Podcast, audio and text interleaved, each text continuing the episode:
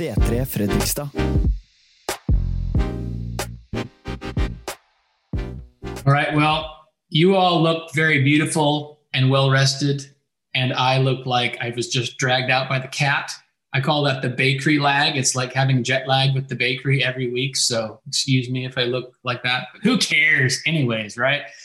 So another beautiful day in Norway in the winter wonderland. So hope you get a chance to go out and have some fun today. And it's a super blessing to live in Norway and um, to be with you guys today as a C3 family. And also wanted to say hi to anybody who's listening or viewing from far away, wherever you are, or on Spotify. Hello to you. And uh, we hope that you're finding hope in these troubled times and that you're finding the stable power of Jesus within these unstable times because he's certainly stable, even if we are unstable. I'm not talking about mentally unstable, but, anyways, maybe we are. Um, so we're moving into February now, which uh, classically, you know, getting closer to Valentine's Day, where attentions turn to romance, relationships, um, intimacy, etc., etc. And so, uh, for the weeks coming up here, we're going to be covering uh, those sort of related themes marriage, intimacy, relationships, all of that. And today, I want to speak specifically about uh, God's plan for marriage and for intimacy. So, don't tune out now if you're not married, if you're single. This is just as much a message for you as it is for those that are married because it's mostly about God, not about us, about his purposes. And so stick around. Don't don't jump off because you're not married. Uh, we're going to learn about the nature and the character of God together today, and that's always exciting, whether we're married or not married. So let's let's dive in on that. I want to start out first by like deflating some misunderstandings about the biblical view of of our bodies and of sex because those things can be like either churches never want to talk about sex or our bodies or they just want to talk about it all the time you know because it's trendy or whatever. So we're gonna, we're just going to try to stick to the, the, the biblical story of uh, what god thinks about our bodies and and why he made sex. So first of all our bodies are not dirty and sex is good I know that you might find that to be an obvious fact, but let's just say it outright that our bodies are not dirty and sex is good. That is a misunderstanding that has been all throughout church history, starting in the first century, at the very origins of the Christian faith. The Gnostics crept in, as you know. And uh, that was an early Christian heresy. And it was the belief that the spirit was good and the physical was bad, was evil. And so the whole idea of salvation with the Gnostics was that it's not about forgiveness of sin, it's about being released finally from the body which is bad so that you can you can be in the spiritual realm. And you do that through this secret knowledge that they had. And so jesus had this secret knowledge. And so if you got that you can finally be released from the terror of the body and go into the spirit. But that is not christian teaching. Um, and this is why the Gnostics uh, they denied that Jesus was human. Actually, they they and they denied the crucifixion, right? Because God could never live in a human body because the human body was inherently evil. Okay, but we know that's not the Bible. The Bible says that God created all physical matter, including our bodies, and He called it good. All of it, good. So God's original creation is good. Now, certainly that goodness could be corrupted, but it's good. God likes it. God likes stuff. He made stuff and he made your body. Um, and Christ himself took on flesh and became human in human body, right? So if the body itself was evil, how could that have happened? The body is not dirty. The body is not sinful in itself. It can be used in such a way, right? But it's not by nature evil. So there can be confusion over this subject. And I think it, it also can stem from Paul's teaching about the spirit and the flesh. You know, he often talks about the spirit and the flesh, and he does that in Romans, he does that in Galatians. And, you know, it's like the book of Galatians talking about how the desire of the flesh is against the spirit. And the flesh, it's, it's the battle. So they're opposed to each other. And we know that this is true, but what is he meaning by that? Is he meaning, what is he meaning by the flesh? And it can be confusing because this the Greek word for flesh has four meanings. So It's the same word. So if they were literally to translate it in all of those places, it would be the exact same word, exact same translation, right? But it doesn't mean the same thing. So when Paul is talking about the flesh, sometimes he's just talking about physical matter or like physicality. Sometimes he's talking about the human body. Sometimes he's talking about human beings. But most of the time, and this is why it can get confusing, Paul's actually talking about the fallen human nature or the fallen flesh. That's what he's talking about as far as the negative aspect of the flesh. So sometimes we can think, well, Paul's sort of being Gnostic, like he's talking about the flesh in a negative sense. Most of the time, when Paul's talking about the flesh, he's talking about your sinful nature, your desires that stand against God. So that's like the ego saying, I'm going to be my own master. I'm going to go my own way myself. It's like the flesh warring against God's desires, the, the spirit. So the flesh in itself is not sinful, but it can be used in a sinful way. And that's why Paul says he feels like he's in bondage to the flesh, right? It's all of these things coming at us that we can make decisions toward or against. So bodies are good. And it's also kind of a, it's a misguided notion to think that we are going the, the highest good in god is to be released from the body and to go into the heavenly realms and there we will be forever. And simply because that's not what the bible says. That's not the biblical story. Certainly we will at some point when we die be with christ and there we will be in the heavenly realms like we'll be in heaven right? But that's not the end of the story. The end of the story actually or the beginning of the new story the beginning of the new age is going to be a new heavens and new earth where we will be actually physically resurrected. This is what the Bible says. You and I will be physically resurrected. And uh, we will have a resurrected body like Jesus. Now, we don't know exactly what that, that's going to be like. Um, Paul talks about that. We will be clothed again. So, to be unclothed is to be spirit, to be clothed is to have a body. We will have bodies in the future. Bodies are good. God likes bodies. God's going to give us a resurrected body. Okay. Again, body's good. So, new heaven, new earth. And that's often, you know, we, we praying this prayer like we talked about two couple weeks ago. The Lord's Prayer. Your kingdom come, your will be done. Where? On earth as it is in heaven. Well, that prayer will be answered in the new heaven and the new earth when we rule and reign with Christ in resurrected bodies, where we will eat. Okay, that's cool. So I don't know how it all works, but Jesus ate food. He also walked through walls. So how does that work? I don't know but that's a resurrected body. That's how resurrected, but sort of spirit, sort of flesh. I don't know how it works. We'll figure it out when we're all there together. And then we'll go from there. So earth will be heaven. Okay. Body's good. Check. We'll just check that off the list. Body's good. Okay. Next on the list sex. Sex, good. Do that again. Check. Good. The act of the sexual union is good in nature as created by God. Uh, because there are like so many prohibitions against sexual immorality, which there should be. We'll get into that here in a bit. Um, there's a lot of, uh, of prohibitions against sexual immorality within the scripture, so it can be stigmatized, like as it sex itself is bad. Sex itself is not bad. We are in fact commanded by God to be fruitful and multiply. And we see some of the multiplications on the screen right now. Beautiful children. And my children are all out ice skating right now. I have my children here, right? God tells us, be fruitful, multiply, good thing. That's part of what we should be doing. And, and also spiritually multiplying as well. So that's good. Scriptures are very clear that husbands and wives are to enjoy sex and not just for procreation. Peace, love. It's a good thing in marriage to have sex. Okay, we, we agree on that. Uh, God made sex, it's pleasurable. He likes it. He, he came up with it. Sex itself, not dirty at all. Uh, it is only dirty in improper context, meaning there is a context, many types of context, where the sexual union is bad and should not, cannot be, uh, you know, a sacred thing in that way, right? But the act itself is not dirty. So the devil, he desperately wants to take that realm. He desperately wants that to be his realm, so that sex is negative or sex is dirty or trashy or whatever. He he just loves that. He loves that, and uh, but the actual domain of the sexual union is sacred and it will be forever God's domain and God's idea. So, Satan, take a boot because God's taken that back over and the church has taken that back over. It's a good thing in the context of marriage. So, let's get to the meat of it. What is the meat of it?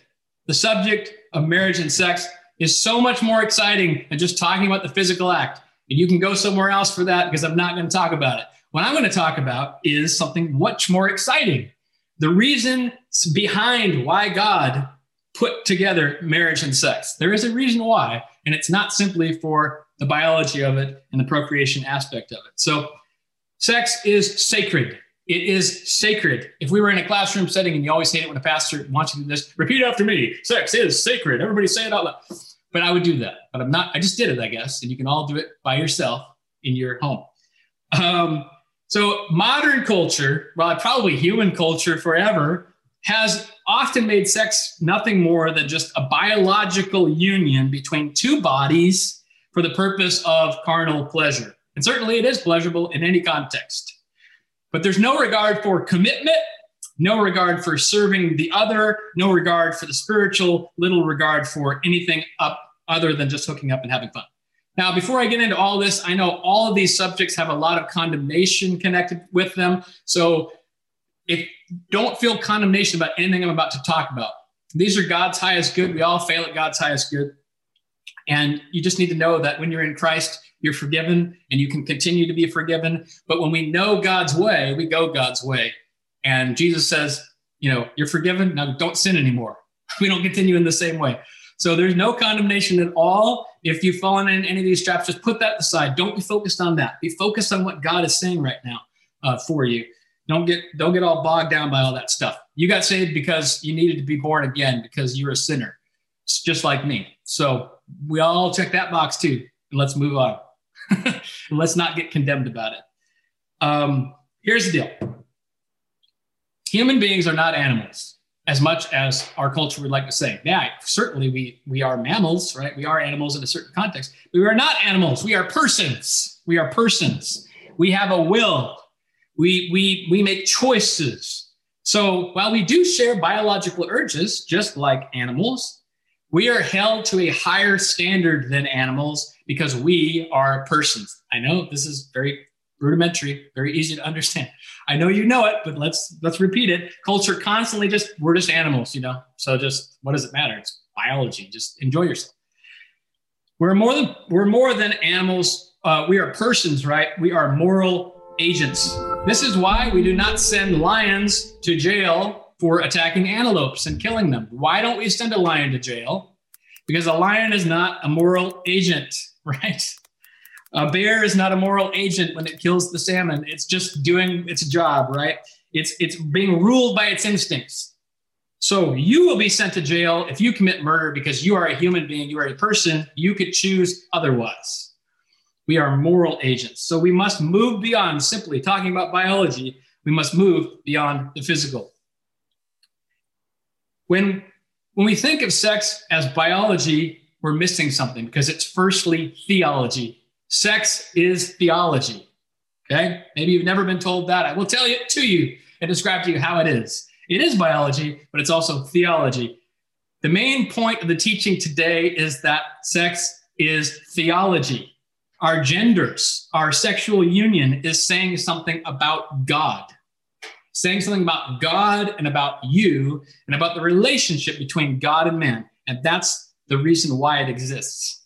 So, sex is one of the most pure, self giving, pleasurable expressions of love, one to another, that exists. So, God has made it as a sign to us. He's pointing us to something. And he's pointing all of humanity to something through this act, which has been so perverted. And it has been perverted for a very specific reason, so that we wouldn't know this, so that we wouldn't see it for what it is, which is a sign, a sacred sign to humanity, pointing to Jesus Christ. This is the truth. It is pointing as a sign to the type of love that God has for his people. Now, of course, God doesn't have sexual love but a type of self giving love that desires to benefit others always, the other, agape love, self sacrificial love. So there's a reason why in the Bible, the beginning story is, is marriage and the end story is marriage. There's a reason why there's a bookend. It's not a coincidence. We see the union of Adam and Eve starting in Genesis. And saying, Hey, this is now bone of my bone and flesh of my flesh. And she's going to be called a woman because she came out of the man. And for this reason, a man will leave his father and mother and be united to his wife. Okay, so this is in the context of marriage, and they will become one flesh. So you see that in the book of Genesis starting out there.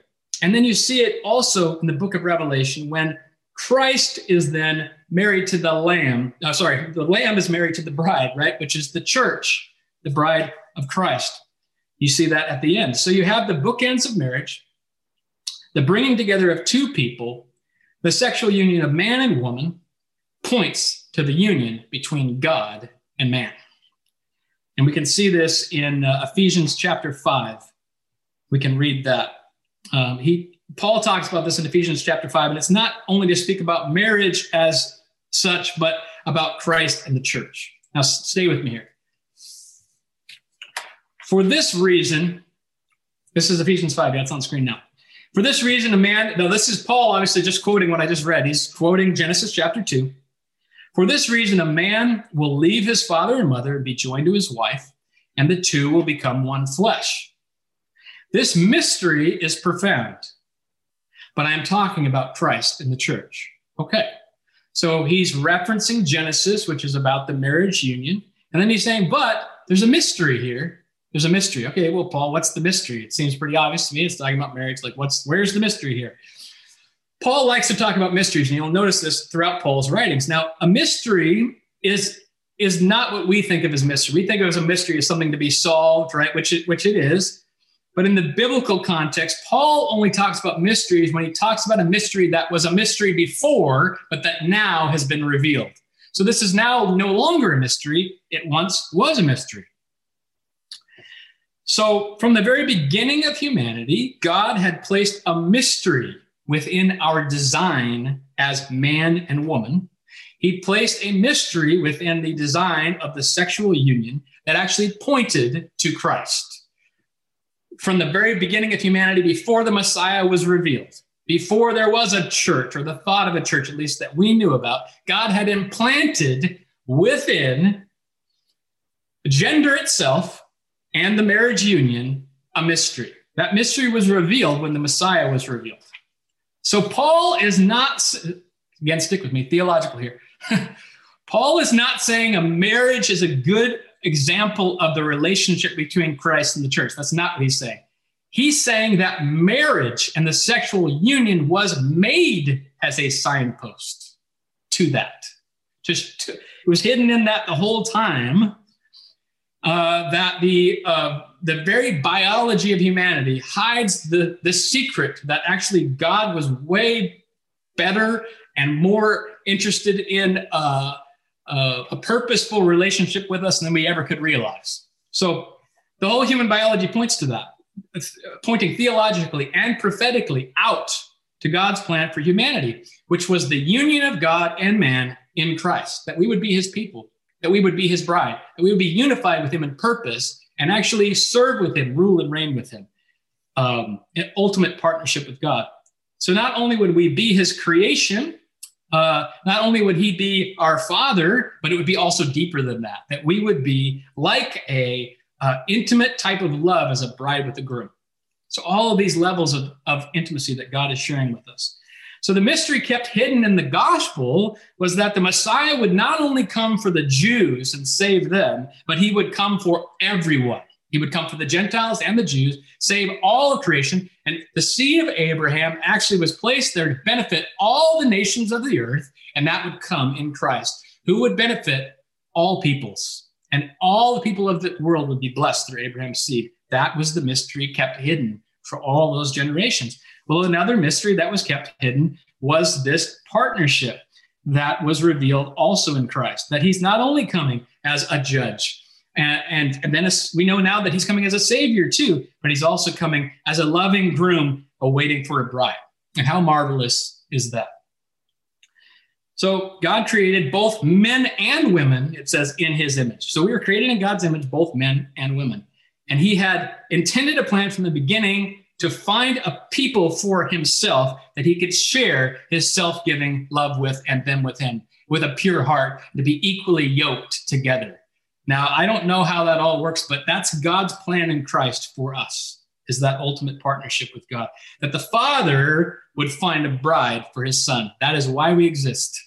And it's all been hidden even in the way in which we've been made and the way in which we join together. That is why marriage is sacred.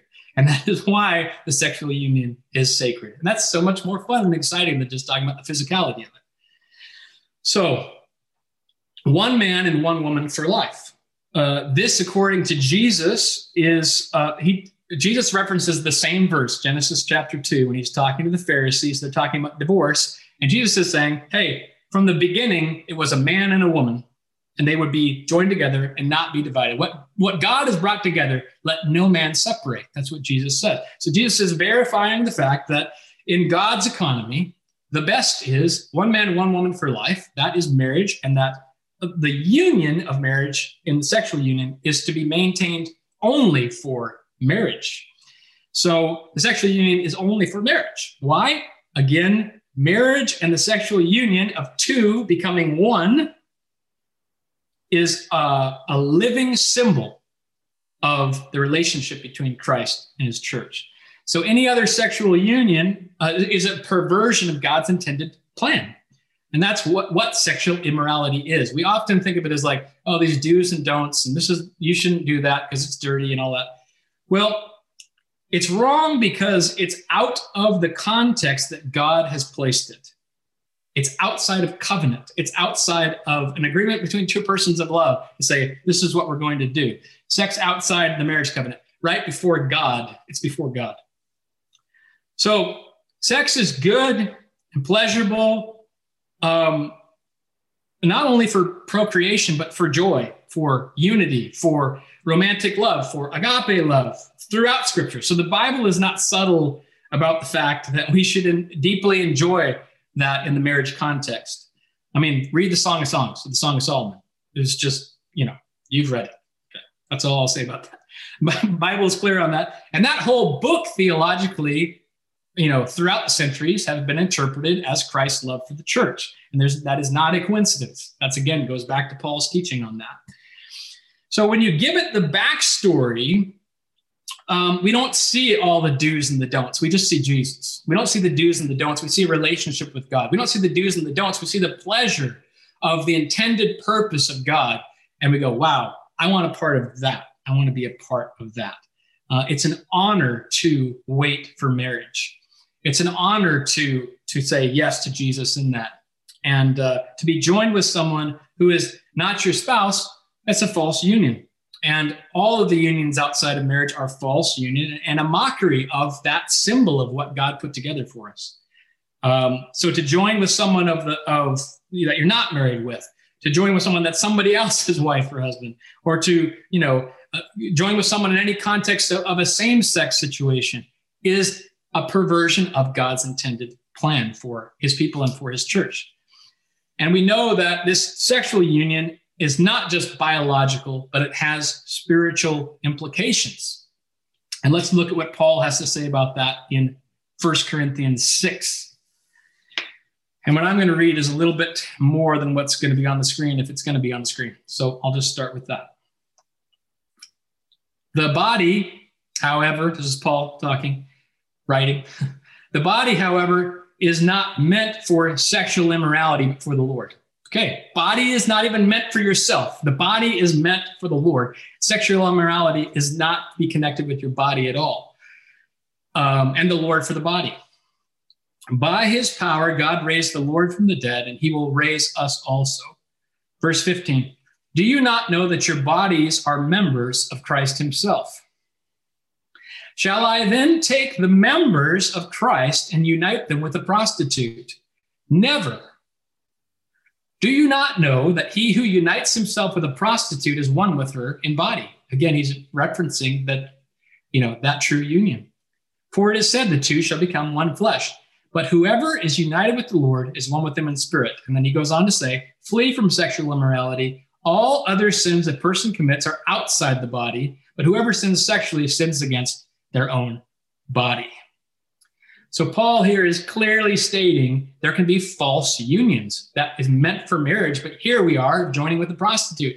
This is bad in so many ways, in so many contexts. And he goes through and, and talks about why. So there is only one true context, again, for um, a meaningful uh, sexual union, and that's inside of marriage. So we're told many times with sin, we're told to resist sin or stand against the flesh. But in the context of sexual immorality, we're always told to leave, to flee. Why? Because it's a strong tug, biological tug, uh, emotional tug on us that we want to partake in normal human activities, right? We want to eat, we've got to sleep, we have urges, you know, read between the lines here. So Paul says, don't try to stand up against your urges, run away. Okay. So if you're dealing with youthful lust, run. Don't stay in the situation and sit by your girlfriend. You know, no, leave. Get up and stand up and get out of the room if, if you're dealing with that. Don't stick around and hang out and figure out what happens. You know exactly what's going to happen. Okay? It's not rocket science here. Two men, a, a man and a woman, when they get together, things happen. So don't mess with that fire. Don't stand by the fire and start saying, How close can I get to the fire? No, run away from the fire. That's what, what Paul teaches us. So, sex before marriage, it, it cheapens that. It, it, places the realm of sex into everyday activity, which we know sex is not everyday activity, and sex is never just sex. And as much as the culture tells us that sex is just sex, sex is never just sex. It's connected with our emotions, it's connected with our spirits, it's connected with everything. It's not just that biological act. I'm going to say something controversial now, and I'll be very proud to say it. Because I think the church doesn't teach enough on this. I'm not talking about C3, I'm just saying in general. That I want to tell you why it's wrong to live together before you're married. And I know this is controversial. I don't know why it's controversial, but um, living together has other implications, okay, than just living together. By implication, when you live together, the implication is that you're sharing a marriage bed together. Now, you might not do that, but that's the implication, right? So you're, in fact, uh, not sharing the marriage bed until you are married. If you're engaged, you're not married. Engagement is being engaged, married is being married. Those are two different things. If you have a girlfriend or a boyfriend that you've been with for 10 years, you're still not married to them until you're married. And again, don't get into condemnation if you've done any of this. Just, I'm just teaching you what I think the biblical stance on these things would be. Marriage is marriage. So we're told as Christians to not even have the appearance of evil, right? And to be above reproach. And so, how can we do that in a culture that tells us, like, hey, you know, it's fine, just can live together, it's totally great. And even within the churches, they say that that's fine. I can't see how we can say that that's fine. And um, if you think about, people say, well, show me a verse that says that I can't live with my, you know, so so. Okay, if you're getting into the whole game of like, show me a verse, well, show me a verse where it says Jesus, where Jesus tells me not to take heroin. Okay. We don't need a verse for every single thing to tell us what to do and what not to do. We know it's the wrong thing to take heroin because it controls our body. And we have lots of verses that talk about don't allow anything to have mastery over you. Okay. We know sexual immorality is going to occur if we live together and the implications of those things. So, um, I think we should be ashamed if anyone teaches that we should live together in the church. I think they should be ashamed for doing such a thing. That's my personal stance on it. It's not the best for the people that are being taught, and it's uh, uh, we don't need to look for a verse that says do not uh, do not live together before marriage. It's like, is there a verse that says don't commit abortion? There's lots of things that we can say like we don't have to find a verse here. We know God's intention and heart on those matters. So, anyways, I'll get off the hobby horse on that one, but just to say that um, this, let's let's make it sacred because that's what it is. Okay. We already know that adultery is wrong. We shouldn't be sleeping with other people's wives and husbands. This causes all sorts of problems. So, sex within its proper context is uh, fun, it's life giving, it's the glue of marriage, uh, bringing you together emotionally, and it is a true gift of God. But sex in the improper context causes all sorts of problems. We know this. Just look out at the world right now. Sex causes all sorts of hurt. It can tie you emotionally with someone that you should not be connected to. It can tie you spiritually to someone who's not your spouse. It can cause all sorts of problems, practically speaking, unwanted pregnancies, abortion, disease, etc., etc. So those are the practical reasons why not to do it. But um, why we should wait primarily is because of Jesus, just straight up, because we want to honor Christ. And isn't he worthy of honor?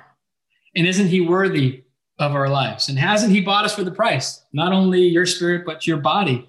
And didn't he die for your sin um, so that we could submit our lives to him?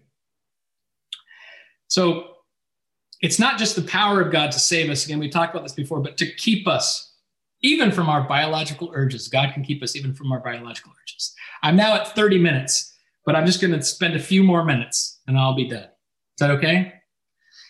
Okay, I got a couple of those up there. Good. So again, I have to say this because it's always people feel condemnation in these things. I just there's no condemnation, but we need to teach the scriptures. We just need to teach the scriptures. We need to live by what God tells us, and we will fail at that, but we can't just not teach it because it's hard. It is hard to live the Christian life. It is hard to follow what God would have us to do but God will give us the power to do so. And it is not grinding it out because He can give us the joy, uh, and it's a much better way uh, to live. Um, so, God also wants us to wait for marriage and uh, wait wait for sex till marriage because God is much smarter than we are. I know it's hard to, to believe, right? God is smarter than you. He knows that the more, uh, the most pleasurable, secure, life giving place for sex is marriage.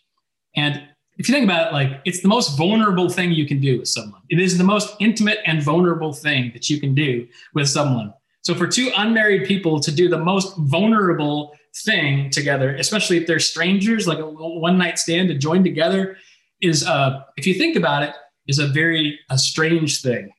Uh, and it should shock us like wow that's like a completely intimate like i'm giving myself completely to to a stranger to a stranger Okay. Even to someone that you've been with for a while, it's like it's you're giving yourself to them. We need to remember that.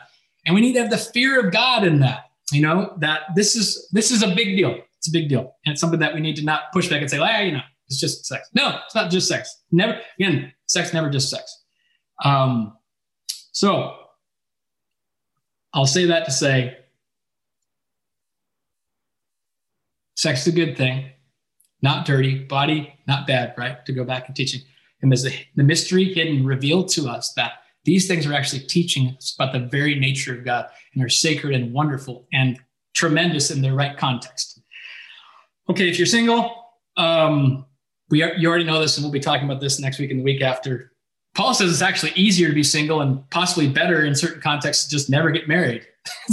you don't have to please your wife or your husband, and you can just be with God, and it's awesome. So Paul actually says that it can be better to, to never be married. And you have all these issues and problems and children and, you know, battles and you just be by yourself and just go for it and re- read the scriptures and get into prayer and help people. And it's awesome. So people sometimes give their life completely to the Lord in that way and they feel called to that. And if that's you, you shouldn't feel ashamed of that. Like you're not missing out on anything. You're still going to be in the union of God for all of eternity with Christ. So, uh, you know, don't worry about that. Um, and in the context of marriage uh, with, with, with, with sex, I just want to say real quick on this um, that Paul actually says, don't deprive each other. Like, don't deprive each other of that unless, you know, unless you're in prayer. Of course, sometimes we have physical ailments or we have age issues or whatever else. That it's an indicator of a health of marriage, whether we want to enjoy and partake in that particular thing called sex. Um, that if that's not there in your life and your marriage, then you might want to ask yourself the question why, because there can be an emotional baggage there, or something that God's wanting to, to dig at. So I'd say that for those of you who are married, that you should check yourself if, if you're not enjoying the, that particular part of your marriage relationship. Maybe there's an emotional issue or something. I'm not your judge. Just take it to the Lord, because Paul says like, don't don't withhold from each other, because part of it is like to not stray, to not be pointed towards another person. Uh, and Paul says, you know, he does talk about the biology of you burn and lust, you should marry. It's like, hey, Paul, you shouldn't be telling people to marry just because they're burning and lust. That's what he says. So the whole idea is like there is a context of the fact that our we have physical needs, we have emotional needs, and all those things. And as a as a self-giving person, as we want to be like the Lord, is to give to our spouse because Paul says our bodies aren't even our own. Um, my my body is my wife's, and my wife's body is mine. I know that sounds weird. That's what the Bible teaches. And in the proper context, it is the most life giving and wonderful thing. And we're living as Christ does, who is self giving. So that that ending was very much like just everything at once because I I piled up everything at the end. But I hope that you're getting the context and the excitement. And maybe you've never heard of of this. You've never looked at Paul's teaching. I remember it was about maybe 10 years ago, maybe 15 years ago, that I read that verse and really started to dig into it and say, there's something really deep about this. about the union between Christ and the church that has been hidden in this union in the marriage union that we could all, if we grabbed onto it, it would make us just so excited about the Lord Himself and about the fact that we get to be a part of His plan, even in, in things that have been considered dirty that aren't, because Christ has redeemed them. So that's what I'll say today on this topic.